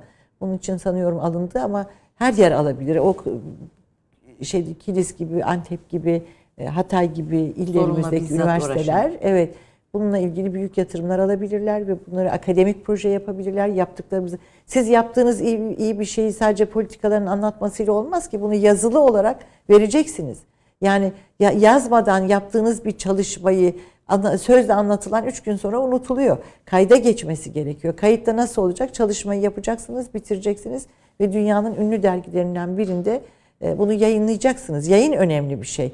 Demin Türkiye'deki bilim kadınlarını ben sayarken... Ben de onu soracaktım. Bu aş endeksi diye bir şeyi hep konuşuyoruz. Evet, yani o, bir arkadaşıma mutlaka söylemem gerekiyordu. Profesör Doktor Feride Severcan E, Türkiye'de aş indeksi en yüksek olan hanımlardan biridir ve çalışmalarını ne yapar? E, öğrencilerini alır. Yani gençlere örnek olarak bunu anlatmak istiyorum. Bir çalışmanın yazılması için güzel ıspanaklı börekleri yapar. Onları evine davet eder. Bir hafta evinde kalırlar. Projeyi şekillendirirler. Sonra otururlar yazarlar. Bu hayata ve öğrenciye değmek demek. Yani bunları unutmamak gerekiyor. Ee, yani Geç, mesafe koyarak, hele şimdi pandemiyle bu mesafeler daha da arttı gerçi de yani. E, ama pandemi inşallah gelip geçici. Hı hı. Yani bir yıl içerisinde bunun inşallah virüsten kurtulabiliriz diye söylüyor bu işte uğraşan bilim insanları. İnşallah öyle ümit ediyoruz. Yani hiçbir şey bir şeyi inkitaya uğratmaması gerekiyor. Şimdi de elimizde herhalde bizim kadar hastalarda başarılı olan az ülke oldu hasta bakımında e, hasta iyileştirilmesinde. Bunları yazabiliriz. Yani bunlar için büyük projeler alınabilir. Bunların her birisi önemli şeyler. Ya, mutlaka uluslararası bilim camiasında. Tabii tabii yayın... yazmazsanız hiçbir şey olmaz. E, illa bu, bu... Biz Doğu toplumu olduğu için anlatmayı seviyoruz ama yazmayı daha az seviyoruz. E, üniversitelerde ben İstanbul Üniversitesi'nde okurken işte kadın sorunları ve araştırma merkezi yeni açılmıştı. Evet, işte evet. Falan olduğu dönemde ben de sıkı takip ediyordum evet. e, toplantılar ama daha sonra başka üniversite sonra Ankara zaten. E, Şimdi 107 üniversitemizde var bu kadın merkez. Kadın sorunları araştırma evet, merkezi. 107 isimleri biraz değişik. Kiminde aileyle ilgili, kiminde işte e, sağlıkla ilgili ama e, e, kadınla ilgili merkez sayımız 107. E, siz YÖK'te Yüksek Öğretim Kurumu'nda bu akademik kadın çalışmalarını evet. koordine eden, yürüten evet, bir biriminde evet. E, başındasınız. Evet. E, bu, burada senkronizasyon oluyor mu? Buradaki çalışmalar ne durumda? Mesela kadınla ilgili çalışmalarda Tabii başlıklarımız oluyor. neler? en önemli kısmı her biri bulundukları bölgenin sivil toplum örgütleriyle ve bulundukları bölgedeki kadın yapı çalışmaları yapısıyla işbirliğine giriyorlar. Dolayısıyla bölgeyi iyi tanıyorlar. Yani sık sık kadınlar çalışkan görseniz ne kadar çok şey yapıyor kadın çalışma merkezlerimiz. Ee, en önemlisi bölgenin sivil toplumlarıyla çalışmaları ve ona göre üretim yapmaları. Dolayısıyla bir bölgeye değiyorlar. Ee, mesela Gene Yüksek Öğretim Kurulu bölgesel misyon çalışmaları diye bir çalışma da yürütüyor ayrı bir proje olarak kadın çalışmaları da bölgesel bölge, o bölgeyi tanıyorlar. Erzurum Üniversitesi, işte Atatürk Üniversitesi orayı tanıyor. Bitlis'teki üniversite Bitlis'i tanıyor. Onların kadın gruplarıyla görüşüyorlar ve mutlaka eğitim hayatlarına değiyorlar. Birincisi bu. İkincisi e, orada istatistiki veriler oluşturuyorlar. Yani biz o bölgeleri onlar vasıtasıyla kadınlar ne yapıyor konusunda daha iyi tanıyoruz akademik anlamda. E, burada kadın çalışmalarında hem akademik bir grup hem de sosyal hayata değen bir grup söz konusu. Daha çok akademik olması bekleniyor tabii ki bunların doğal olarak akademik çalışma olduğu için. Ee, inşallah daha da çok yazarlarsa yazma eksikliğimiz var. Yazmak gerekiyor. İyi akademik mecmualarda sesimizi duyurmamız gerekiyor. Bundan e, bunun için de ne gerekiyor? Bir şey daha. Yabancı dil gerekiyor. Yani şimdi bakın İtalyanca bilebilirsiniz, Arapça bilebilirsiniz, İspanyolca, Rusça hepsi tamam. Ama İngilizce bilmeniz gerekiyor. Çünkü bilim İngilizce artık dünyanın bilim dili. Yani bunu biz e, e, istesek de istemesek de hani niye onda yazayım dememeliyiz. Tabii ki kendi dilimizde yazmalıyız ama yazdıklarımızın yurt dışına duyurabilmesinin en önemli şeysi e, dünya bilim dili olan İngilizceyi kullanmalıyız. Dolayısıyla Türkiye'deki akademisyenler mutlaka İngilizce bilmeliler. E, iyi derecede İngilizce bilmeliler ve de e, belki bir ikinci dil daha da bilmeliler. Yani akademi çevrelerinde fikri ayrılıklar işte kutuplaşma dediğimiz tabir ettiğimiz evet. şeylerde etkin oluyor ve bir müddet sonra hani akademide üretilenler Türkiye'nin bir bütün değeri değil de bir lobilerinde işte bir takım e, Doğru. e, ayrılıklarında e, şeyi argümana haline geliyor ve aslında hani objektif kriterler yeterince korunamıyor diye düşünüyorum siz ne dersiniz? Ee, doğru ama akademi ne yapıyor? Bilim üretiyor. Üç tane görevi var. Bir öğrenci eğitiyor. iki araştırma yapıyor bu bilim üretme fazla. Üçüncüsü de hizmet veriyor. Hizmeti neyle veriyor daha çok? Eğer tıp fakültesi ve sağlıkla ilgili bir bünye varsa onunla veriyor. İşte e, en çok orada hizmet kelimesi gündeme geliyor. Yani tıpla birlikte geliyor. Diğerleri de veriyor ama yani bulunduğunuz bölgede eğer bir tıp fakültesi, işte bir veterinerlik fakültesi vesaire varsa daha çok hizmet alanınız artıyor. Şimdi dolayısıyla üçten bir tanesi eğitim, iyi bir öğrenci eğitimi ki bu çok önemli. Yani akademisyenin birinci görevi kendisinin öğrencisini iyi yetiştirmek. Ondan sonra araştırma yapmak. Bu da bizim görevimiz. Ama araştırma için fon gerekiyor. Fonlar nereden veriliyor? Ya üniversitenin kendi BAP dediğimiz komisyondan veriliyor veya TÜBİTAK'tan veriliyor. işte bir proje veriliyor veya Avrupa Birliği'nden alacaksınız. Veya özel sektörle, sanayiyle birlikte çalışmalar yapacaksınız. Onlar sizi fonlayacaklar. E, bu tabii e, yani doğuda çok mümkün değil ancak bunun kolaylıkla mümkün olduğu yer e, Marmara bölgesi işte Bursa'dır, Kocaeli'dir, belki biraz Ankara. Orada bile sanayiyle işbirliği yapmak zor. Yani sanayinin büyük olduğu yerlerde, OSB'lerin yüklü olduğu yerlerde bu yapılabilir. Dolayısıyla bu üç çalışmayı yürütürken burada ne önemli? Bir çalışkan olacaksınız, iki ön göreceksiniz. Dünya nereye gidiyor, ne çalışıyor onu çalışacaksınız. Bir üçüncüsü de yaptığınız iş ülkenizin ekonomisine katkı verecek, kalkınmasına katkı verecek.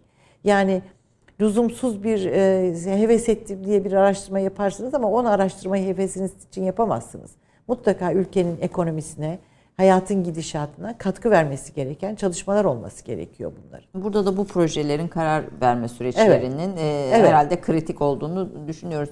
E, farklı değerlere sahip insanlar ülkenin genel eğittiğiniz kitle de öyle. Yani öğrenci tabii dediğiniz ki, doğal şey olarak, de öyle. Tabii ki. Öğretim üyesi dediğimiz de öyle sonuçta bu ülkenin tabii içinden ki. çıkan. Yöneticisi de öyle. Tabii. E, bütün bunların arasında bir ortak misyon oluşturmak, bu söylediğiniz işte başarıya odaklanmak, ülke kalkınmasına odaklanmak ve üniversite eğitimiyle bunu sağlamak nasıl bir yöntemle mümkün olabilir? Hani biraz bunun üstünde de durmak istiyorum. Bir diğer de aslında bunu ben size sorsam nasıl bilmiyorum. Dijitalleşmeyle birlikte evet, ve nesil, çok şey değişti. Nesillerin 5 yılda bir nesil değişiminin 5 yılda bir indiği söyleniyor. Öğrenci profili de değişti yani. Öğrenci, çok şey değişti. E, bu, evet. bu değişimlere ilişkin gözlemleriniz Öğrenci profilini ben e, tabii 6-7 senedir öğrenciden daha uzaktayım. Yani rektörlük döneminde e, 8 yılda çok gözlüyordum bunu. Hı ders devamında azalma var. Çünkü internette bilgiye burada şöyle bir şey. E, Hocam hekimlik yapıyor musunuz halen? E, yapıyorum evet. Çok hasta görüyorum. hasta görmekten hiç vazgeçmiyorum. Öyle mi hala görüyorsunuz? Yani işte bulunduğum her yerde, evde, işte, telefonda e, sürekli bir hasta evet, görüyorum. Evet, ondan da memnunum. İşim o çünkü. Yani e, esas eminim evet. yetiştirdiğiniz e, çok şey önem talebeler vardır kendisi. Onlarla iletişimle idare ediyorum. Yani başını ben görüp sonra onlara gönderiyorum. Hı. Artık talebelerimin çocukları e, doktor oldular. Yani o o, evet, o 70 devam, yaşındayım ben. Hiç göstermiyorsunuz gerçekten hiç Talebe, Yani yetişen öğrencilerin, doçentlerin, profesörlerin çocukları şimdi o okulu bitirdiler. Ve neredeyse torunlara telefon açıyorum Hayır, diyebilirim. Sizin sahanızda da çok şey değişti. Yani işte bir MR'dan söz ediyorsunuz. Ama hani... bizde değişmeyen en önemli şey hastaya değmek. Hmm. Yani bir tanı koyabilirsiniz e, ama e, hastayla e, iletişim bambaşka bir şey. Olmadığı zaman başarılı olamazsınız. Yani o önemli bir şey. Bu internet üzerinden bir şey söyleyecektim. Tabii bilgiye ulaşmak çok kolay olduğu için siz de akademisyen olarak mutlaka yenilenmelisiniz. Yani söylediğiniz her şey yeni bilgi olması gerekiyor. Öğrenciler sizden daha hızlı bilgiye ulaşabiliyorlar. Sınıfta bir konuyu anlatırken bunu dinliyorum. Ben şahit olmadım ama arkadaşlarımın söylediği yani daha genç öğretim üyelerinin sınıfta siz bir konuyu anlatırken o internetten sizden daha yenisini buluyor eğer siz çalışmamışsanız. Dolayısıyla öğrenci karşısına geçmek de artık zor. Yani dijital dünyanın getirdiği avantajlar, dezavantajlar bizim kadın grubunun da bu bilişim dünyasında hakim olması gerekiyor. Buna hakim olmadan hiçbir şey yapmanız yani çalışacaklar meslek yüksekokulu öğrencilerimiz, lisans öğrencilerimiz her biri dijital dünyanın hakimi olarak yetişmeliler ki buna dijital transformasyon diyorlar. Her evet. kurumda var, yüksek öğretim kurumunda da var e, mesela 70 yaşında bir öğretim üyesisiniz, bir profesörsünüz. Bu dijitali çok adapte oldunuz ki bu kadar yönetim işlevini yapabiliyorsunuz. Aa, e, yani tam öyle değil. Çok adapte olamadım ama işte hazırlayacağım şeyleri indiriyorum veya çok yardım alıyorum diyelim. Yani e, bir benim üç tane bulduğum şeyi e, kızlar yardım ediyorlar. İş yerindeki arkadaşlarım yardım ediyor. Öyle birinci dereceden tam öğrendim diyemeyim. Telefonu çok bilmiyorum alo diyoruz o kadar. Ondan sonra İlla bir destek ama sonuçta evet. e, evet evet yani öğrenmek gerektiğine inandığım için yapmam gerekeni yapmaya gayret ediyorum diyelim. Gayret ediyorsunuz. E, şimdi bir tarafıyla tabii nöroloji Evet, çok evet. önemli ve insan yani insan üstüne biyolojik Tabii. gelişmeler bunun üstünden de çok devam Evet. ediyor ve Evet, oyunlar bile bu dijital games denilen çocuk oyunları bile tamamen beyindeki faaliyetlerle yürüyor. E, hatta insan beynini dışarıdan e, dışarı çıkartma, dışarıdan yön bir sürü şey. Evet. Yani insanı değiştirmeye yönelik bütün bu çalışmalar, biyolojik, biyogenetik Evet. e, çalışmalar dahil olmak üzere hep bu, e, bu Ürkütücü yanları da ürkütücü var. yanları çok beyin üstüne çalışmanın. Sizin bir nörolog olarak bu çalışmalara olan ilginiz, merakınız, yorumunuz ne? Yani gelecekte biz nasıl insanlar olacağız biyoteknik olarak bu konuda ilgi duyuyor musunuz biraz? Yok, duymuyorum. Neden? yani neden şöyle? Bu tabii bambaşka bir saha. Yani benim çok algılayacak olduğum bir saha değil ama e, yeni literatüre baktığım zaman özellikle dijital dünyanın çok kullanıldığını görüyorum beyin çalışmalarında da. E, bu doğru bir şey E, ama klinikle ilgili değil tabii bu. Bu tamamen biyoteknoloji dediğimiz, biyomühendislik dediğimiz şey üzerinden gidiyor. E, bunların olmasını destekliyoruz, okulların açılmasını, doktoraların açılmasını ama yani benim e, yaş grubunun bunun tekrar içine girip bunu ilerleyebilmesi için çok ayrı bir çalışma gerekiyor. Yani e, ben böyle bir grupta çalışmıyorum ama Yüksek Öğretim Kurulu şimdi üç tane çok büyük nörobilim merkezini birleştirdi ve bir araştırma merkezi kurdu. Türkiye'de ilk kez oldu bu. Ankara, ODTÜ ve Gazi Üniversitelerinin yanılmıyorsam, inşallah yanlış söylememişimdir. Bunların nörobilim merkezleri birleşti ve çok ciddi bir e, çalışma grubu oluşturuldu. İşte bu gruplarda bunlar Türkiye'de Yani yeni bir insan ortaya evet, Evet koymak. yeni bir grup, yeni bir grup, yeni beyin çalışmaları yeni yapmak beyin istiyor. çalışmaları. Hayır yani dünyanın geleceğinde de yeni bir insan türü ort yani yeni bir makinalaşmış bir insan ortaya koymak üstüne. E, yapay zeka da bunu getiriyor. İşte e, bu kadınlar yapay zekada ne olacaktır diye bir dolu hani şimdiki durumda bile bu kadar az çalıştırıyorlar bizi. Bir de bu yapay zeka çıkarsa halimiz ne olur diye birçok paperlar çıkıyor. Dolayısıyla bunu da çalışmak bizim kendimizin e, genç Kadın, bu, bu konunun kadınları ilgilendiren tarafı da var Var diyorsunuz. var ama işte şeyde bu yüzde 62 dedim ya geleceğin meslekleri diye 102 bin doktora burslarında. Evet. Buradaki konulara baktığınızda her biri bu anlattığınız tipte konular. E, Tarımda da böyle işte makineleşme, yapay zeka. e, Bunların her birinde kız öğrenciler erkek öğrencilerden daha önde E, gidiyorlar. gelecekte bir kadın yüzyılı Evet, e, evet. düşü vardır hep. Evet e, evet. e, Evet ben de inanıyorum vardır. öyle bir şey olacağına. Evet çünkü daha pratikler doğrusu erkeklerden daha disiplinli çalışıyorlar. Çünkü o hayat akışı onlara onu gerektiriyor. Yani çocuğu planlıyor, eşini planlıyor, evi planlıyor, yemeği planlıyor, akademiyi planlıyor. Kadınlar erkeklere göre daha planlı bir toplum benim gözümde. Daha planlı bir kesim. Onun için başarılarının yüksek olacağına inanıyorum. E, siz çalışırken çalışma hayatının içinde ve bunca görevin içinde en büyük desteği kimden gördünüz? En büyük engeli de nerede gördünüz? Hiç engel görmedim. Ee, yani ben e, şöyle ailelerin bu anlatıldıkça kızlarının önem kazanmasının çok onları mutlu ettiğini görüyorum hep. Diploma törenlerinde görürdüm ben bunu.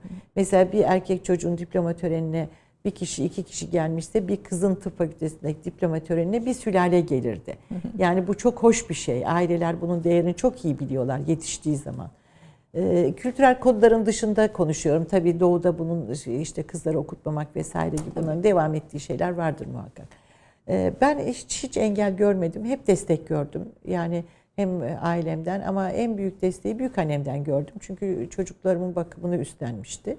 Ee, Yani ben başka bir evde oturuyordum. Çocuklarla büyük annemde çalıştığım, doçentlik sınavına çalıştığım sıralarda falan. O da başka bir evde oturuyordu. Ee, Yani minnettarım kendisine. Destek veren herkese. Erkeklerle dolu bir ortamda çalışıyorsunuz. Evet, Sonuçta öyle evet. sizin e, akademide bulunduğunuz, yetiştiğiniz yılların Evet. içinde. E, ve onlarla çalışırken böyle bir takım tavsiyeler de illaki ve kendi e, e, kadın asistanlarınıza falan da söylüyorsunuzdur. E, böyle şeyleriniz var mı? Çalışırken şuna dikkat edin falan gibi böyle bir takım tavsiyeleriniz, önerileriniz. Yani hekimlikte e, zaten böyle bir ayrıcalık çok olmuyordu uzun yıllar çalıştığım zaman. Yani nöbet tutuyorsunuz. Bir asistan erkek, bir asistan kız işte biri acile gidiyor, biri kliniğe bakıyor. Doğrusu bu tip şikayetleri şimdilerde daha fazla alıyoruz. Yani böyle hoşumuza gitmeyecek şikayetleri aldığımız oluyor. Benim yetiştiğim zamanlarda bu tip şeylere biz çok rastlamazdık. Hayat daha rutin, daha bilim üzerinden gidiyordu. Şimdi sanki işte burada demin bir konuda Diyanet de bize yardımcı evet. olacaktır diye düşünmüştüm. Burada da medya yardımcı olacak. Televizyon dizilerine baktığınız zaman öğretiler yani dizide bir yerde bir toplumuma bir öğreti taşıması gerekiyor. Ee, üzülüyorum ben yani böyle şimdi okulu belki çok burası yeri değil ama yani medyanın bu alanda e, destekleyici çok fazla dizileri olması lazım. Geçenlerde e, Aile ve Çalışma Bakanımızın bir toplantısında e, Rütük Başkanı da evet, oradaydı. Evet. E, o da biz dizileri görmüyoruz dedi. Biz yani çekiliyorlar ondan sonra geliyorlar diye. E, tabii ki bu yetişmede e, medyanın çok büyük önemi, görsel medyanın çok büyük önemi olduğunu düşünüyorum. Yani Pozitif örnekleri, iyi örnekleri. Pozitif örnekler olmalı ama onları çok göremediğimizi düşünüyorum. Hep negatif, kötü örnekler üstünden. İşte yani. o kadar kötü konuşmasak bile iyi olmayan diyelim. İyi olmayan. E, hocam olmayan. gördüğünüz gibi gayet pozitif bakıyor evet, ve iyi hep olmayan, iyi, iyi evet. ve güzeli ön plana çıkartmaya evet. çaba evet. sarf ediyor. Evet. Ee, çok az süremiz kaldı ama ben şeyi merak ediyorum. Tabii biliyorsunuz bizde Türk geleneğidir. Evet. Böyle bir doktor gördüm illa bir şikayet bir bir şey söyleriz yani. Böyle Estağfurullah doğaldır evet. E, bu herhalde Batı halklarından farklıyız bu konuda. Valla onlar da öyleydi. Onlar da mı ha, öyle? Evet evet yani evet. Biz, biz Hekimlik öyle bir meslek. Yani evet. biraz on. Şimdi bu özellikle pandemiyle birlikte yalnızlaşma, yaşların yalnızlaşması, evet. Alzheimer'a Çocuklar. etkisi, bir takım işte evet. e, beyin faaliyetlerinin etkisi üzerine de çok şey konuşuluyor. Evet. İşte sizin bu konuda bir e, şeyiniz Çocukların olur çok etkilendiğini düşünüyorum. Hani bu derslerden geri kalmasın diye e, devlet büyük bir çaba sarf etti. E, ama bu çaba küçücük bir odaya çocuğu tıktı ve sabahtan başlıyor dersler işte gene aynı eski usulle devam etti ve onlar e, sahiden eğitim alıyormuş gibi oldular. E, orada çocukların çok zorlandığını gördüm. Yani kendi torunlarım da var o yaşlarda. Onlara da baktıkça baya böyle kişilik yapılarının değiştiğini gördüm. Uykularında sıkıntıları olduğunu gözlemledik. Aileler anlatıyor. İşte arkadaşlarımızın aileleri. Hani ben hekimlik yapmadığım için şimdi rutin onu yapmıyorum ama bunun gerçek olduğunu düşünüyorum. Hepimiz için çok zor oldu. Korku hissi kötü bir şey. Yani ya özellikle Alzheimer, demans vesaire nörolojik bir takım Bunun için herhalde e, konuşmak erken. Yani bunlar e, Alzheimer'ı etkiledi mi, daha mı arttırdı, demansı etkiledi. Çocuklardakini gayet rahat gözlemleyebiliyoruz. Yani Çünkü gelişim evet, evet, var. gelişim süreçlerinde. Ama hastalıklar açısından mesela diyorlar ki işte kalp krizlerini artırıyor, beyin kanamalarını artırıyor. Ama bunlarda veriler olması lazım. Herhalde önümüzdeki 2-3 yıl içerisinde böyle sağlıklı akademik verilere e, verileri göreceğiz. Yoksa yani Covid'in kendisinden başka e, ileride çıkacak yan etkilerin olacağı çok kesin. E, onu görüyoruz ama bunlar hakkında net bundan dolayıdır bu kadar etkisi olmuştur diye daha yayınlar yok orta yerde veya çok gelip geçici yayınlar var. Az vaka yayınları var. Herhalde kitlesel yayınların çıkması bir 2-3 yılı bulacaktır. Ama bu tip işte Alzheimer'ı etkiledi miye cevap verebilmek için herhalde bir 3-4 sene geçmesi gerekecek. E, düzgün bilimsel yayınlar gördüğümüzde ancak buna karar verebileceğiz. Ama benim bir hekim olarak hani 48 yıllık bir hekim olarak gördüğüm bu bir damar hastalığı. Sadece bir virüs hastalığı değil. Yani damarları tutuyor, e, işte endoteli tutuyor. E, bu nedenle mutlaka sıkıntılı süreçler yaşatacaktır diye düşünüyorum. Aynı zamanda bir beyin çalışımı, nörolojik e, Evet evet evet. Mesela kızamıkta e, SSP dediğimiz subaküsklerozen panensefalit diye çocuklarda çok yoğun epileptik nöbetlerde ve mental yıkımla gelen ağır bir hastalığımız vardı. E, ben Trabzon'da çok sık görürdüm. Yani ayda bir tane iki tane gördüğüm olurdu. Kızamık eradike edildikten sonra ortadan kalktıktan sonra bu hastalığı az görür olduk. Şimdilerde hemen hemen çok nadir görüyoruz. Çünkü kızamığın bir yan etkisiydi. Hı hı. Bakalım bunda da neler çıkacak. Yani kötü örnek e, kötü bir şey söylemek zor ama ben öyle birçok şeyin çıkacağını düşünüyorum. Bunun arkasında artçıları gibi artçıları olacak artçıları diye düşünüyorum. Olacak. Bunu göreceğiz zaman içerisinde. Yani. Peki. Evet. E, peki hocam programımızın sonuna e, geldik. Son olarak kadınlara özellikle 8 Mart'ı da tabii düşünerek bilim kadınlarına, kadınlara, topluma ne tavsiye etmek istersiniz? Bir de bu kadar çok şehir ülke tecrübesinin yanında E, Trabzon'la ilginizi e, hala sürdürüyor Tabii musunuz? bütün tatillerde Trabzon'a gidiyorum. Hala gidiyorsunuz evet, evet, hiç. evet, Trabzon evet. sizin şeyiniz. Evet akrabalarımız var. İşte memleket. Ben de böyle tam tipik bir Karadenizli hanımım. Onu sormak Ondan- istiyorum aslında tipik bir Karadeniz. Çünkü Evet, bir iki evet. röportajınızda da var Karadenizli kadınların güçlü olduğunu Çok. söylüyorsunuz. Bizde böyle kadın meselesi falan öyle çok önde bir şey değil. Çünkü kadınlar çok hakim. Aileye hakim, eve hakim. Çalışmaktan yüksünmüyor. Tarlaları e, şey yapıyor. Yani tarla onda, ev onda. Kocaları çoğu e, göçte ya Almanya'da ya işte Zonguldak madenlerinde öyle yetişmiş zamanında. Şimdi de gene köylerde işte İstanbul'da inşaatta ves- vesaire. Yani Karadeniz kadını güçlü, e, dik bir kadın. Ben de öyleyim, kendimi öyle hissederim. E, Öyle yani çok fazla çok fazla her olayı beni Yıpratamaz. e, yıpratmamasına özen gösteririm. Öyle oldu şimdiye kadar da. İnşallah bundan sonra da öyle devam eder. E, Trabzon'a gidiyorum. E, orada da aynı böyle yaptığım gibi işte olabildiğince öğrencilerimle geçmişte konuşmalar yürütüyorum. Zevkle bunu yapıyorum. E, Anadolu'nun her tarafına gitmeyi seviyorum. E, Yani her tarafı ayrı bir kültür, ayrı bir özgünlük var içerisinde. E, memleket böyle. Memlekete ile ba- bağınız Anadolu, Evet, evet. An- Anadolu ile devam. Yemek filan bu konularla ilginiz nasıl? Kızlar benden daha iyi yemek yapıyorlar. Ben de yapıyorum Karadeniz yemeklerini de. Yani ben hayatı böyle çok normal yaşanmasını seviyorum. Hiçbir şeyde böyle çok ekstrem bir şey yok. İşte Allah'ın normal bir hanımı sabah kalkıp işe koyuluyorum. Allah'ın normal bir adam ama sonuçta bir profesör, bir bilim kadını. yani e, aslında günlük hayat öyle bir şey değil. Günlük hayatta çocuklarınız var, torunlarınız var. Ondan sonra sorunlar var. Çözülmesi gereken şeyler var. Güzel şeyler var. Yani günlük hayatın yaşanması apayrı bir şey. Hiçbir şey normali bozmamalı diye düşünürüm. Yani normal neyse o sürmeli. Ona da çok gayret ediyorum. İnşallah öyle oluyordur. İş yerinde de öyleyim. e, Ailede de öyleyim. Normalin sürdürülmesi. Yani Başarının sırrı olarak ne görürsünüz hocam? disiplini ve çalışmayı görürüm. İyi niyetli olmayı görürüm. İyi niyetlilik. Yani demin e, ki bir cümleyi tekrar söylemek isterim burada. Bu internetin, dijital dünyanın, e, dünyamızın dijitale evrilmesi e, bize çok başka bir şey gösterdi. Ama hiçbir şey insanın değerini değerini yerine geçemez. Yani size onun için konuşmak, işte anlatmak e, bunlar çok önemli şeyler. Yani anlatırken İnsana bir gözüne bakmak. vermek. Yani bir hocadan bir dersi ancak kendisinden dinlerseniz onun etkileri sizde kalır. Baş ağrısını anlatırken en önemli şeyi size başka türlü anlatır. İnternet öyle yapmıyor. Rutini söyleyip geçiyor. Yani bilgiye ulaşmayı gene de birbirimizden öğrenmenin, insandan insana öğrenmenin çok önemli olduğunu düşünüyorum. İnsana dokunarak, insana Evet, hissederek, evet. ben duygusunu, Evet, ortamını hissederek. öyle olduğunu düşünüyorum. Efendim çok çok teşekkür Ben ediyorum. teşekkür Lütfettiniz, ediyorum. geldiniz. Ben Böyle onur duydum sizinle konuşmaktan. Bizim tecrübelerinizi paylaşmaktan Teşekkür mutlu olduk. ederim. Hem sizi tanımaktan da hem de belki böylece Türkiye'de bilim kadınlarının daha çok altını çizeriz. Daha çok onları görünür Keşke, kılarız. Çünkü onların tecrübeleri farklı bir dünyanın kapılarını Ben açıyor. böyle pat pat isimler verdim aklıma gelenleri ama niceleri var. Yani Anadolu'da ne kadar üniversitelere gittiğinizde görüyorsunuz oraya emek veren o kadar çok öğretim üyesi var. Hekimlerde olsun, başka dallarda olsun. Onlar insan iftihar ediyor. Yani orada oturmuş Bitlis'te, işte Bingöl'de eğitim veriyor. Oranın halkını eğitiyor, kendisini eğitiyor. Oradan da eğitim alıyor.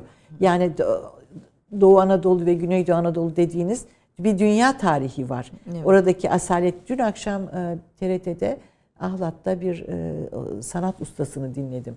E, ahlat taşlarını e, Yapıyor. oluyor. Evet, evet, E, evet. 42 apartman, 3 cami, bilmem ne kadar çeşme yaptırmış. O da işte bir yüksek lisans diploma sahibi diye düşünüyorum. Yani Anadolu'yu görmek o, o açıdan çok önemli. Oradaki kültürü, oradaki değerlerden de öğreneceğimiz Ben de çok teşekkür şey ediyorum davetiniz Efendim için. iftihar ediyoruz. Çok çok teşekkür ediyoruz. Hizmetleriniz daim olsun. İnşallah ömrünüz bereketli olsun. Efendim Türk Kahvesi'nde bugün e, Türkiye'de bir bilim kadını tanıdık ve biraz bilim dünyasının akademiyi konuştuk. Haftaya bir başka konukla, e, bir başka konuda görüşmek üzere. Hoşçakalın diyorum.